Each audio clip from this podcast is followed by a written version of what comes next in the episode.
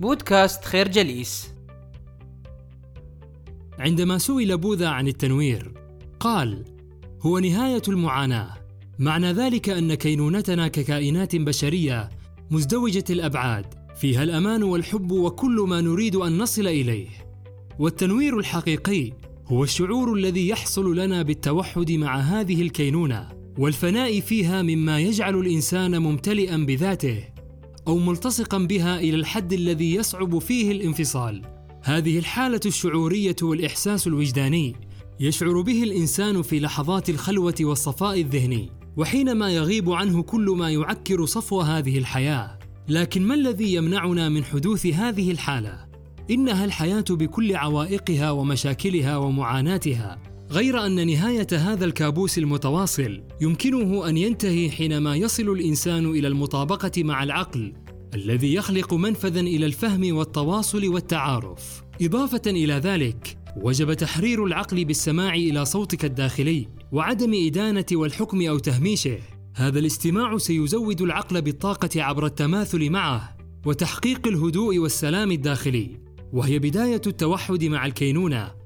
وتوجيه انتباهك للحظة الراهنة الآن كجوهر للتأمل والتركيز وبداية النشاط العقلي الحقيقي. الفكرة التنوير هو التوحد مع الكينونة التي يصل إليها الإنسان بالتطابق مع العقل وعيش اللحظة الآنية. إن الجزء الأعظم من ألم الإنسان هو حالة عقلية قبل أن يكون شعورا جسديا أو نفسيا. والألم الذي تشعر به في اللحظة الآنية هو شكل من أشكال المقاومة والرفض والاحتجاج وشدته تعتمد على درجة المقاومة للحظة الراهنة. فكلما كنت قادرا على احترام وقبول الحاضر كلما تحررت من الألم أكثر. فما الذي يخلق هذه الحالة من الصراع والتجاذب المتواصل طيلة مسار حياتنا؟ للجواب عن هذا السؤال يلزمنا أن نعرف بأن العقل له عدة استراتيجيات تحكمية في مسار حياتنا. فلكي يحكم سيطرته علينا فإنه يحجب الحاضر ويحجب اللحظة الآنية. فهذه الأخيرة هي كل ما يملكه الإنسان وليس الماضي أو المستقبل. لهذا وجب أن تكون هي مركز ثقل تفكيره واهتمامه وانشغاله. فكتلة الألم التي نشعر بها تستحوذ علينا كلما اخترنا أن نقيم في الماضي أو المستقبل. أما الخوف فنحن لا نحتاج إليه لكي نتجنب الخطر غير الضروري. فأنت تبعد يدك عن النار ليس على أساس أنك تخاف بل لمعرفتك أنها ستحترق. هذه الحالة النفسية للخوف تأتي في أشكال متعددة وأنواع مختلفة كالقلق والحزن وأشكال الاكتئاب والتوتر. لكن سببها الرئيسي هو أنك لا تعيش هذه اللحظة بل لأن عقلك يعيش في المستقبل. الفكرة ألم الإنسان يمكن تجاوزه بعيش اللحظة الآنية؟ والتخلص من الخوف من المستقبل.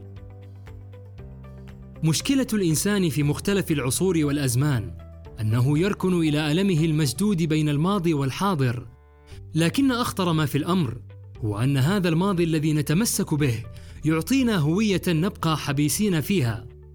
أما المستقبل فهو علامة الخلاص لنا من الواقع الذي نعيشه أو الماضي الذي تركناه وراء ظهورنا لكن لا أحد سأل يوما هل الزمن الذي نتحدث عنه حقيقة أم وهم؟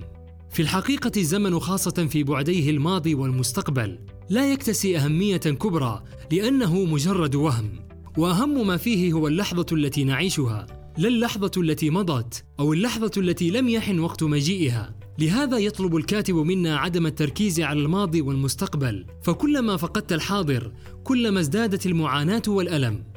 ولكي نشرح الأمر بشكل أكبر نقول لا شيء يحدث في الماضي أو المستقبل بل يحدث الآن. لأن الماضي انقضى والمستقبل هو مجرد صورة على ما يحدث الآن. فإلى ماذا نحتاج؟ نحتاج مراقبة الذات.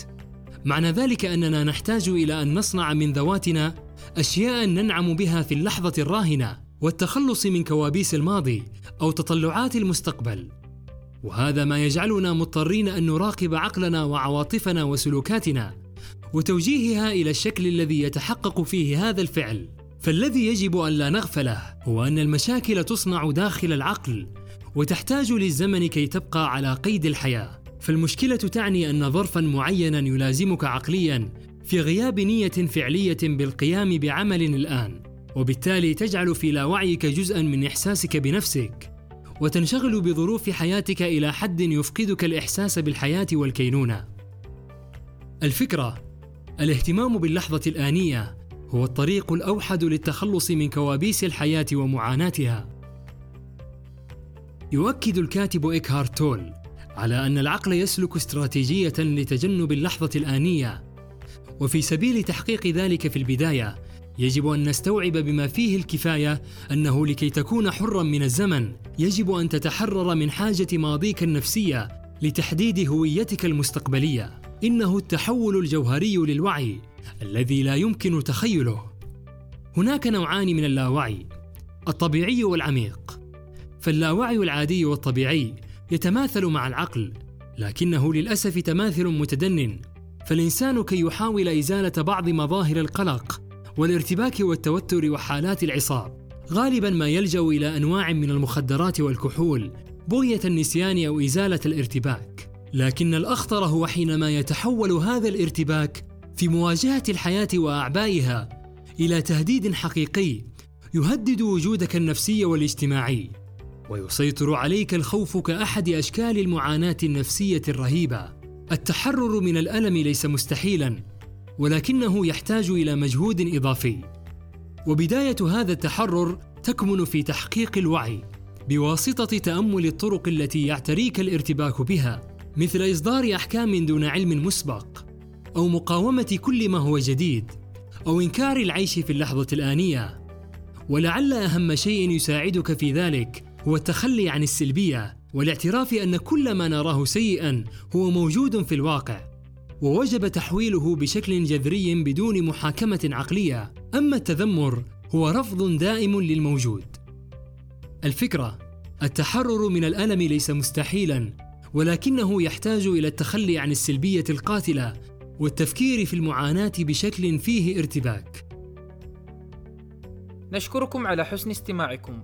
تابعونا على مواقع التواصل الاجتماعي لخير جليس. كما يسرنا الاستماع لآرائكم واقتراحاتكم. ونسعد باشتراككم في البودكاست.